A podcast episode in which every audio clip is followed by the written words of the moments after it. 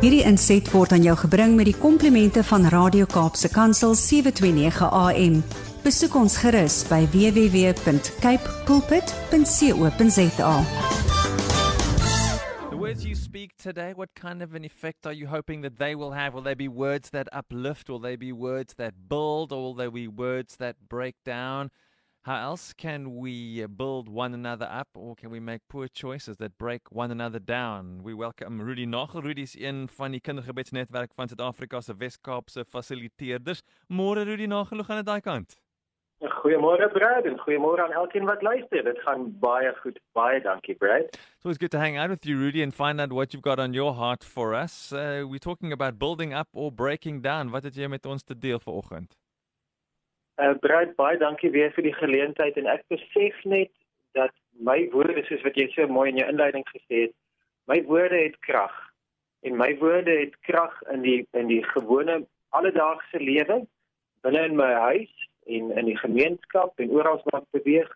My woorde as ek hulle gebruik op social media het krag. Mm. My woorde as ek hulle gebruik uh in die publiek het krag en my woorde het krag in gebed. En uh ek is so dankbaar om te weet dat die Here hoor my en dat dat dat dat my stem en my woorde 'n impak het.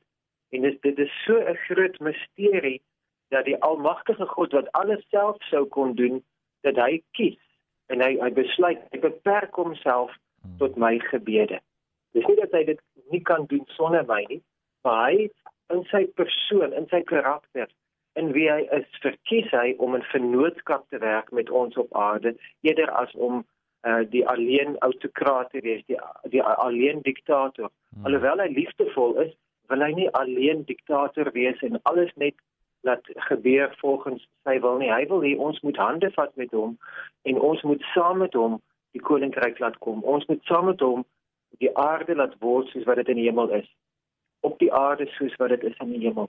En hy hy hy hy, hy doen dit deur vir ons gesag te gee, deur vir ons gesag wil gee dat ons woorde 'n impak kan hê. En my woorde in gebed maak 'n verskil. Nou oor die jare heen as ek te doen het met situasies wat stikkend is rondom my, dan is dit baie maklik vir my om die fout raak te sien. Ek ek as Rudy Nagel en ek met met 'n stuk Duitse bloed in my agtergrond kan vinnig uitwys dit is fout en dis verkeerd. Ek kan vinnig krities wees, ek kan vinnig wys hierdie is nie goed genoeg nie of hierdie is nie up to standard nie of hierdie is nie hoe dit moet wees nie.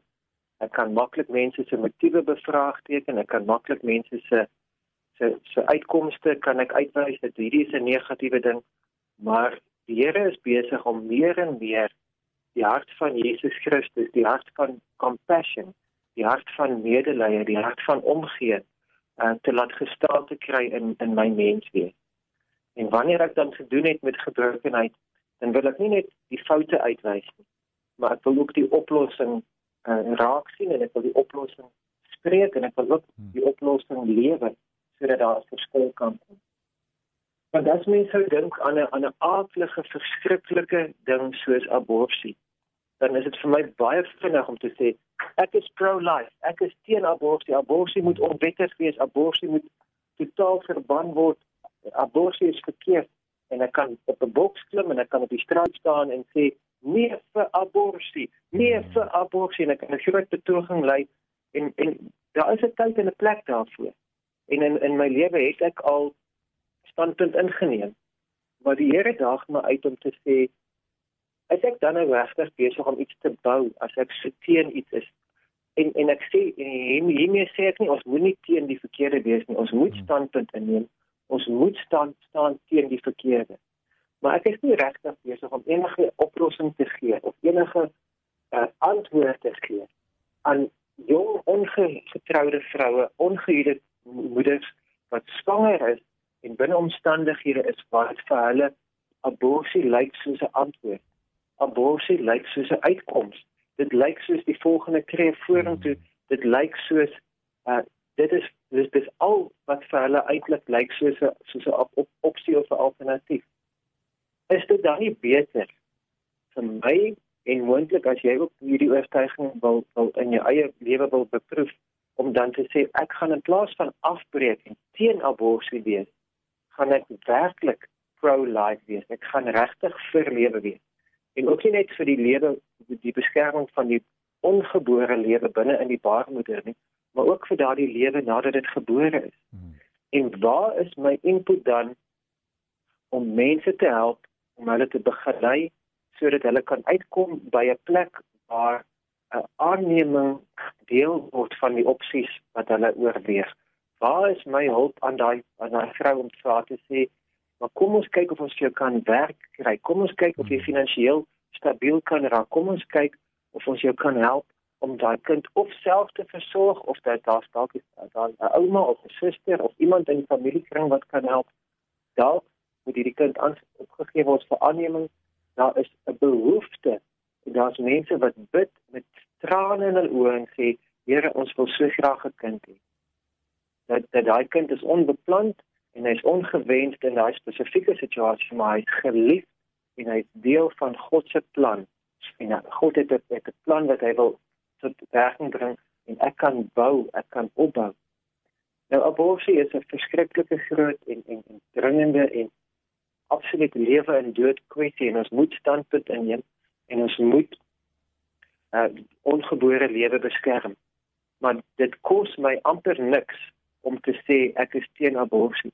Maar dit kos my baie in tyd in, in terme van tyd en energie en geld en 'n geestelike betrokkenheid om te sê ek gaan 'n verskil maak aan 'n kleintjie aan 'n aan 'n kind wat wat 'n plek nodig het. Ek gaan help om om eers 'n tuiste te vind, 'n ouer huis te vind vir hierdie kind. En ons hoef dit nie alleen te doen nie. Daar is wonderlike organisasies, daar's maatskaplike werk, werkers, daar's Christen en en ander uh, NGO's wat dit is hulle dit is hulle passie, hulle roeping om hierdie proses moontlik te maak om 'n uh, kind en ouers by mekaar uit te kry en te help dat daardie proses kan vloei. Net soos wat dit gaan oor abortus aan die begin van die lewe, hmm. kan 'n mens praat oor genade dood aan die einde van die lewe. En ek kan sê ek is teen genade dood. Die Here is die outeur van lewe. Niemand het die reg om lewe te beëindig nie. Niemand mag mag uh, hulle eie lewe neem of niemand mag uh, iemand anders bystaan om sy lewe te neem nie. En dit is 'n mooi uh edele uh gedagte en en dit en ek, ek dit is my oortuiging maar dit kos my niks om dit te sê nie. En is ek regtig besig om te bou as ek net sê ek is teen genade dood? Is ek bereid om by 'n hospice betrokke te raak? Of is ek bereid om iemand wat 'n intense vermeggelende pyn lewe en wat 'n terminale siekte het is ek bereid om 'n hand te vat en vir hulle te bid en die Here te vertrou vir genesing of dan vir die Here te vertrou dat hulle hulle besigheid hier op aarde kan afsluit op 'n op 'n op 'n wonderlike hoë noot en vrede kan maak met die lewende God, vrede kan maak met hulle self, vrede kan maak met hulle familie en dan kom by die punt waar hulle kan sê Here my dae hier op aarde is klaar, ek is gereed om huis toe te kom. Ek ek kan laat gaan. Want baie keer is mense in 'n lewe en dood stryd en in geweldige pyn omdat hulle besef daar's nog uitstaande verhoudinge, daar's nog dinge wat nie afgehandel is. Of hulle is bang vir wat na die dood vir hulle wag, of hulle weet dat hulle nog iets hier op aarde wat hulle moet regstel voor hulle kan gaan. Sodat ek in plaas van te sê ek is teen genade dood, dat ek iemand se sterwensproses kan vul met die Here se genade. Dat ek iemand se sterwensproses kan begelei, dat ek kan hande vat. En nie almal van ons is geroep om in terme van aanneming of in terme van van doodsbegeleiding elke dag hierby betrokke te wees. As die Here iets in jou roer hieroor terwyl ek met jou praat, wil ek hê jy moet dit ernstig met ons verder vat. Want daar is 'n nood aan iemand soos jy wat prakties sy moue sal oprol en 'n verskil sal maak aan die begin van die lewenspad en aan die einde van mense se lewenspad. Want nie almal is daarvoor geroep nie maar jy is geroep om in in in jou lewe 'n verskil te maak en nie net teen dinge te wees met jou mond nie. Ek is baie vinnig geweest om aanvanklik te sê ek is ek is teen uh mense wat cross-dressing doen, mans wat vroue klere aantrek. Maar in in gesprekke met my dogter en, en van haar musiekhelde van van die mense wat sy nou luister, ek het ek besef dit help nie net vir my om dan te sê ag man dis aaklig ek ek stem nie daarmee saam nie. Dis dis hmm. baie meer konstruktief om met haar dan in 'n gesprek te tree en te sê hoekom is hierdie hierdie man so interessant vir jou en wat wat maak dat jy so belangstel om sy musiek te luister? En dan laat sy my na die lirieke kyk en ek luister na die woorde en ek luister na die liedjie en ek besef maar hierdie is 'n diep denkende digter wat musiek maak wat wat mense se lewens kan raak en ek stem nog steeds nie saam met sy lewenstyl hmm. maar ek kan dan my my my dogter se vertroue wen deur eerder lank daar te staan met belangstelling as voor haar te staan met veroordelinge te sê ag man dis net 'n klomp gemors dit is net en en en en dan sekere kritaal te gebruik oor omdat ek nie hou van die, die man se lewenstyl hmm. dat ons dan ons kinders nie vervreem deur vinnige oordeele te maak maar hulle vriende word deur te probeer verstaan hoekom is daardie musiek of daardie kunstenaar of daardie lewenstyl vir hulle so interessant? Of of waarom het hulle so baie geduld met mense wat so is? Of wat fascineer hulle? Dat ons nader aan ons kinders lewe eerder as wat ons hulle verwyder van ons deur oordeel ons moet oortuigings hê ons moet daai oortuigings uitleef. Ons moet ons oortuigings so uitleef dat ons verhoudinge bou en nie afbreek nie. Dat ons brûe bou in plaas van om doringdrade te span tussen ons en mense. Ek wil vandag as 'n pa en as 'n gelowige hmm. wil ek die Here vertrou dat my gesprekke vandag met my kinders by die huis en die mense met wie ek invloed het, dat ek deure sal bou waar die Here kan loop en verder met hulle kan gesels. Dat ek vensters in hulle gedagtes sal oopmaak sodat hulle kan sê, "O, maar ek het nog nie so daaraan gedink nie." En dat daar nuwe lig en nuwe lug vars lig en lig van oortuiging op hulle harte kan skyn. Eerder as wat ek net 'n kombers oor alles gooi en sê, julle is verkeerd en julle is in en en, en julle is veroordeel. Maar dat ek eerder deure en vensters oopmaak en lig inbring in hulle lewe. Ek wil voordat ons bid, wil ek 'n vers lees uit hmm. die boek Jeremia, die Ou Testament profeet, hoofstuk 1 vers 10.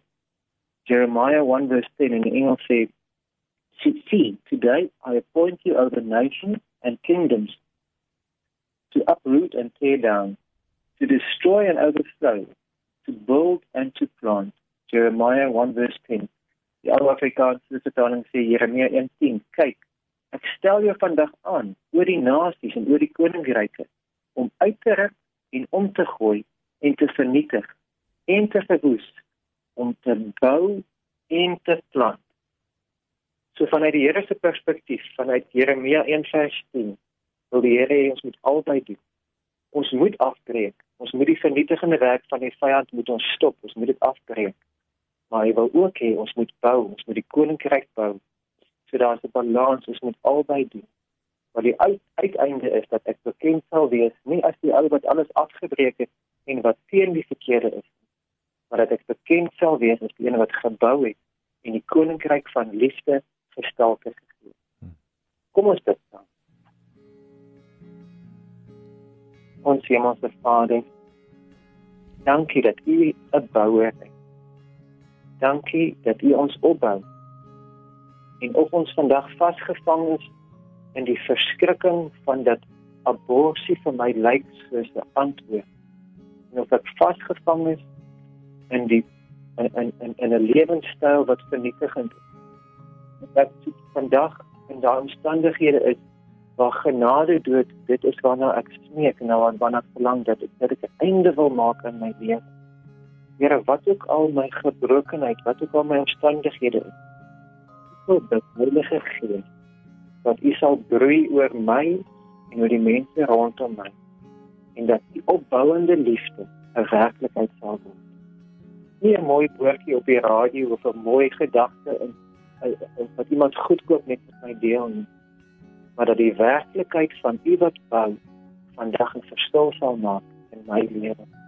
En wat vir my om in my ywer om u te volg dat ek die vyand se werke sal vernietig en afbreek maar meer nog hier dat ek u koninkryk sal laat kom en dat ek brûe sal bou na my kinders toe en na die mense rondom my dat ek deure en vensters sal ooptrek waar daar lig lig geeswind kan inwaai in situasies.